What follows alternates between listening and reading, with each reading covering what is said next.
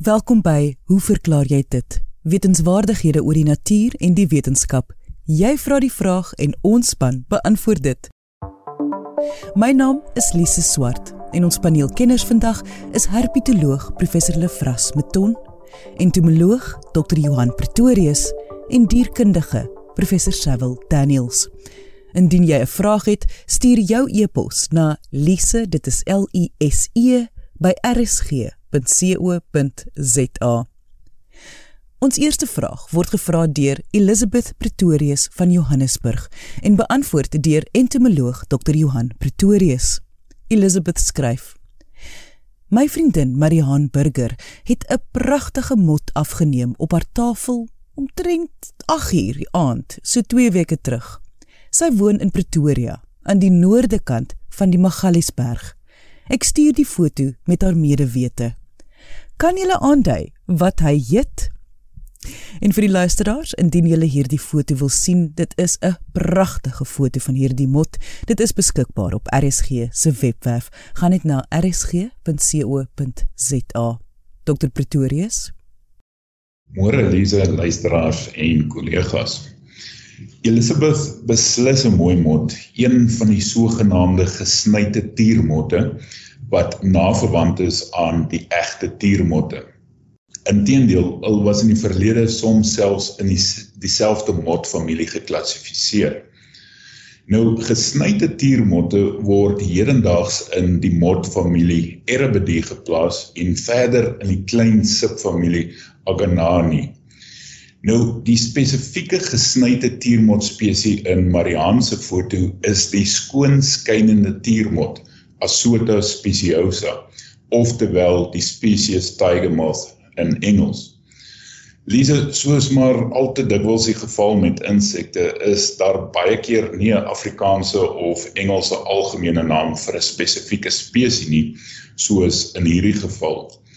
Skoonskynend is dus 'n direkte vertaling van die Engelse species wat beteken dat iets misleidend in voorkoms is en soos ons nou sal hoor is dit wel die geval met hierdie insek. Net om die luisteraar so 'n halwe idee te gee oor hoe hierdie mot lyk. Die grootste gedeelte van die voorvlerke het 'n bruin kleur met kontrasterende wit vlerkare terwyl die basale gedeelte van die vlerke, dis nou naaste aan die thorax, 'n oranje kleur met swart spikkels het. Die agtervlerke het ook 'n oranje kleur, hoewel daar variasie in die spesies kan wees. Die mot het 'n medium grootte vlerkspan so in die omgewing van 60 mm, hoewel die mannetjies dikwels 'n bietjie kleiner is. En as ons na Marianne se foto kyk, kan ons aflei dat dit 'n wyfie mot is, aangesien die antennes draadvormig is, terwyl dit meer geplein by die mannetjie motte is om die wyfie se feromone op te spoor. Die mot het 'n wye verspreiding oor Sub-Sahara Afrika en hier in Suid-Afrika is hulle al waargeneem vanaf Gauteng deur Limpopo, Mpumalanga en KwaZulu-Natal al met die kus en aangrensende binneland af tot in Kaapstad. Lees dit die helder kontrasterende kleure van hierdie mot is 'n aanduiding dat die insek moontlik een of ander beskermingsmeganisme besit, basies 'n advertensie wat potensiële predatore 'n visuele waarskuwing gee om eerder die insek met rus te laat. Ons weet dat insekte predatore op allerlei verskillende maniere kan vermy, byvoorbeeld deur hulself bykans onsigbaar te maak in die omgewing deur middel van kamouflering of om helder waarskuwingskleure te vertoon, die sogenaamde aposematiese kleure. In baie gevalle, maar nie altyd nie, besit sulke opvallende insekte chemiese verdedigingsmeganismes byvoorbeeld toksiese bloed of meer akkuraat hemolimf. 'n Predator wat dan eenmal so giftige insek geëet het of probeer eet het, sal hopelik uit die onplesierige ondervinding leer om sulke insekte in die toekoms te vermy. Die gesnyde tiermotte is wel chemies beskerming aangesien beide larvale en volwasse motte se hemolimf toksiese stowwe bevat wat giftig sou wees as hulle geëet word. Die larwes van die skoonskynende tiermot voed op wilde vyeboom spesies, maar is ook al waargeneem waar hulle op gekultiveerde vye voed. Nou die luisteraars wat met vyebome bekend is, sal weet dat die plant 'n wit klewerige melksap afskei as jy 'n blaar sou afbreek of 'n vypluk om te eet. Hoewel hierdie sap moontlik verskeie funksies in die plant verrig, het dit ook ten doel om die plant teen herbivore te beskerm. By plantvoedende of fitofaag insekte kan hierdie sap fisies die monddele verstop wat dan die insek verhinder om te vreet en chemies bevat dit ook sekondêre metabooliese produkte en proteïene wat teen hierdie fitofaag insekte beskerm. Hoewel die metode nie beperk is tot die larwes van skoonskynende tiermotte nie, het hulle 'n interessante manier om die probleem van melksap te oorkom. Die larwe sal na die onderkant van die blaar beweeg en dan die blaarnerwe of are afkou en sodoende die vloei van melksap na die res van die blaar belemmer. Die larwes kan dan ongehinderd op die dele van blare voed wat deur die afgekoude are met melksap voorsien sou wees. Natuurlik word daar egter steeds plantmetabooliese produkte opgeneem tydens voeding, soos sekere giftige alkaloïdes. Die motte het egter fisiologiese aanpassings wat hul in staat stel om op hierdie giftige stowwe te voed en dit selfs verder in hul eie beskerming teen predatore te gebruik sonder dat dit die larwes affekteer. Nou buiten vir vyf spesies voed skoonskynende tiermotlarwes ook op giftige plante in die genus Acocanthera wat gereeld gebruik was om pile mee giftig te maak. Die melksap van hierdie plante bevat 'n kardiotoksiese glikosiede wat die hartspier aantas as dit in die bloedstroom beland. Die motte verkry dus hierdie toksiese stowwe vanaf hul gasheerplante tydens voeding wat hulle dan onsmaaklik maak vir predatore. Lise net vir interessantheid en ter afsluiting Daar is selfs 'n mediese kondisie by mense wat bekend staan as tiermot lepidopterisme wat veral tydens en na die musonreën in sekere gedeeltes van Indië 'n probleem kan raak. Die motspesie wat hiervoor verantwoordelik is, Asota caricae, is naverwant aan die skoonskynende tiermot en in sommige jare kom massiewe getalle rispus en motte te voorskyn as gevolg van populasie-ontploffings wat dikwels met gunstige toestande vir hierdie motte gepaard gaan. Mense wat hierdie mediese kondisie opdoen, ontwikkel hoë koors en velirritasies en kan self sterf as gevolg van die rispus se irriterende en giftige hare, asook die vlerkskubbe van volwasse motte wat in die lug rondsweef tydens sulke uitbrake. So, baie dankie Mariaan en Elisabeth vir die deel van hul motfoto. En dit was entomoloog Dr. Johan Pretorius. Volgende is hierdie week se kitsvraag wat gevra word deur Jan Hendrik van Midstream Estate en wat beantwoord gaan word deur dierkundige professor Sewil Daniels. Op watter stadium word 'n die dier gesien as mak gemaak soos honde en skape? En hoe het dit gebeur dat hulle mak gemaak word? Professor Daniels Goeiemôre Lise, goeiemôre aan die kollegas en goeiemôre aan die luisteraars. Nou moet 'n mens as 'n bioloog terugdink aan ons uh evolusionêre voorouers. Mense was tradisioneel jag en versameling gemeenskappe. Met ander woorde, ehm um, hulle het nooit werklik voorheen 'n uh, permanente of semi-permanente nedersettings gevorm nie. Met ander woorde, daar was 'n baie groot afhanklikheid van ehm um, natuurlike hulpbronne uh bokke uh, wat hulle sou moes jag uh om voedingsstowwe in te neem. Maar wat wel gebeur is wanneer mense um uit 'n historiese evolusionêre perspektief permanente of baie meer semi-permanente nedersettings vorm, um beteken dit dan nou ook dat hulle nie meer agter hulle voedselbronne aantrek nie. So dan is daar 'n uh, um, werklik die noodsaaklikheid um, vir die mense om um voedingsstowwe self begin te verbou.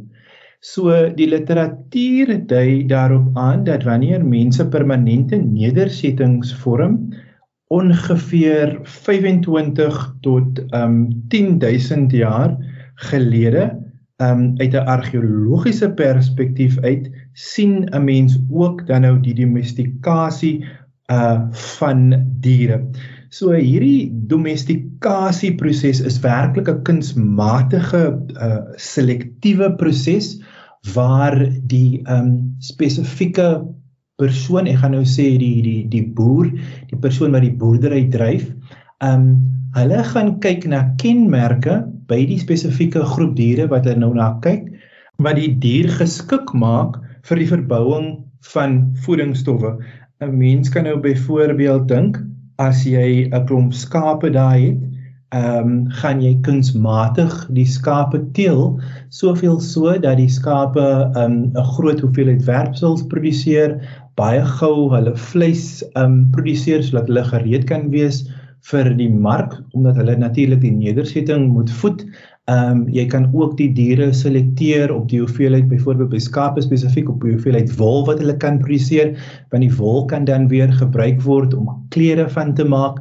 So om nou hierdie vraag te beantwoord, 'n mens sien uit 'n argeologiese perspektief uit wanneer mense enige iets tussen 10000 tot 25000 jaar gelede baie meer permanente nedersettings vorm en wegbeweeg van hierdie jag en versamelings um metode van voortbestaan dan tree hierdie um domestikasie proses werklik na vore waar mense dan nou kunsmatig diere selekteer met mekaar teel om in die voordeel van die gemeenskap of die nedersetting dan nou um voedingsstowwe of klere of wat hulle wat hulle ook al nodig het kan begin produseer.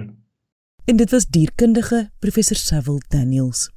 Ek wil graag met die luisteraars deel hoe gereeld ons briewe en vrae deesdae van kinders kry. En ons wil mense aanmoedig om hul kinders se vrae in te stuur. Ons hou daarvan wanneer alle ouderdomsgroepe meer wil leer oor die natuur en wetenskapwaardighede. So indien jy 'n vraag het of jou kind het 'n vraag, stuur jou e-pos na lise@rsg.co.za of direk deur RSG se webwerf. Gaan net na www.rsg.co.za. Jy luister na Hoe verklaar jy dit? My naam is Lise Swart en ons gaste vandag is herpetoloog professor Lefras Meton, entomoloog Dr Johan Pretorius en dierkundige professor Sewil Daniels. Indien jy nouers ingeskakel het en jy graag die volledige episode wil luister, kan jy die pot gooi op RSG se webtuiste gaan luister. Gaan net na www.rsg.co.za. Nou, Betty van die Parel skryf: Daar het onlangs 'n kruipmol in my klein dorpstuintjie beland. Behalwe dat dit vir my 'n frustrasie is omdat hy elke dag 'n ander roete onder my blomme deurvolg, het ek ook 'n interessante waarneming gemaak. Indien ek die mol se tonneltjie onder die grondoppervlakte vernietig, is die grond daar laer as die res van die bedding waarin die blomme groei. Wat gebeur met die grond waar langs die mol se tonnel loop? Ek wil nie graag die mol doodmaak nie. So, is daar enige manier hoe ek hom kan vang om in die veld te gaan los? Of is daar miskien iets wat ek kan doen om die mol te laat wegtrek? Professor Meton. Die goue molle of kruipmolle soos hulle ook genoem word, is saam met onder andere olifante, dassies, die aardvark en klaasneuse lid van 'n unieke groep soogdiere wat hulle ontstaan in Afrika gehad het, die sogenaamde Afrotheria. Nou goue molle is natuurlik glad nie verwant aan molrotte of rotmolle of sommer net molle soos ons hulle noem uh wat natuurlik knaagdiere is nie. Ons kry vandag 21 soorte goue molle in die familie Chrysochloridae en hulle is almal endemies tot Sub-Sahara Afrika. 18 van hierdie soorte kom in suidelike Afrika voor. 5 in die droë westelike dele en dan 13 in die inheemse woude, die savanna bosveld en gematigde grasvelde van die oostelike dele. Slegs twee soorte, die Hottentot goue mol en die Kaapse goue mol het relatief wye verspreidings terwyl die ander 16 soorte dan nou baie beperkte verspreidings het en dit is dan beslis 'n bydraende faktor tot die feit dat 10 uh soorte van die van die goue molle op die rooi data lys van bedreigde spesies verskyn. Die goue mol in Betty se tuin daar in die in die Parel is die Kaapse goue mol. Chrysochloris asiatica en hy is dan nou een van die twee soorte met wye verspreidings. Al die goue molsoorte is opportunistiese insekvreters en hulle voed hoofsaaklik op aardwurms, termiete en duisendpote. Die meeste is enkel lewend en lewe hulle lewe ondergronds en grawe semi-permanente tonnelstelsels. So op twee vlakke. Die boonste vlak is nou net onder die grondoppervlak is die voedingstonnels. Dit is nou wat die tuinier so irriteer en op 'n diepe vlak is kamerruimtes wat met tonnels met mekaar verbind is en waarin die die diertjies dan nou rus en ook hulle kleintjies grootmaak. Die naam goue mol beteken nou nie dat hierdie diertjies goud van kleure is nie. Dit verwys eerder na na al iriserende pels wat skynsels van koperagtige goud, groen, pers en brons kan gee, net soos die veredos van baie voëls ook doen. Ons weet by voëls is die iriserende vere hoofsaaklik vir kommunikasie, maar goue molle is mos nou blind en hulle lewe ondergronds waar daar geen lig is wat uh, tot iriserende effekte kan lei nie. So wat is die doel van hierdie uh, vermoë van die pels? Wetenskaplikes is van mening dat die iriserende vermoë van goue molle se pels bloot 'n toevalligheid is en toegeskryf kan word aan die spesifieke bou van die buitenste pelshare uh om hierdie hare dan nou stewiger te maak. Behalwe vir verskille in grootte het goue molle almal basies dieselfde bou. Hulle het kort, sterk voorbene met met sulke pikagtige kloue. Hulle het geen uitwendige oë nie en ook nie 'n uh, oorpinaai of 'n stert nie alhoewel daar inwendig wel 'n paar stertwervels is en hulle wel ook oor openinge het. Die pels is dig en bestaan uit 'n buitenste laag wat waterwerend is en 'n wollerige onderlaag wat as insulasie dien. Die vel is dik en sterk, veral op die kop met sy prominente leeragtige neuskussing wat die neusgate beskerm tydens die grawe proses. Wanneer die molle nou horisontaal onder die grondoppervlak 'n tonnel maak, word die grond met kragtige bewegings van die afgeplatte kop opgeskep en na bo gestamp terwyl die sterk voorbene dan met die kloue ook rond na onder en na agter krap waar dit op die bodem saamgedruk word. Die grond word ook aan die sykante van die tonnel deur die liggaam saamgedruk. So BT as 'n mens die grond van die horisontale tonnel wat nou bo op die oppervlak uitgedruk is terug sou trap sal uh ondertoe sal die die tonnel so 'n slooitjie 'n lengteverlopende slooitjie vorm want dit is net 'n deel van die grond wat bo uh uitgesteek het. Die res is in die wande en in die bodem van die tonnel gekompakteer.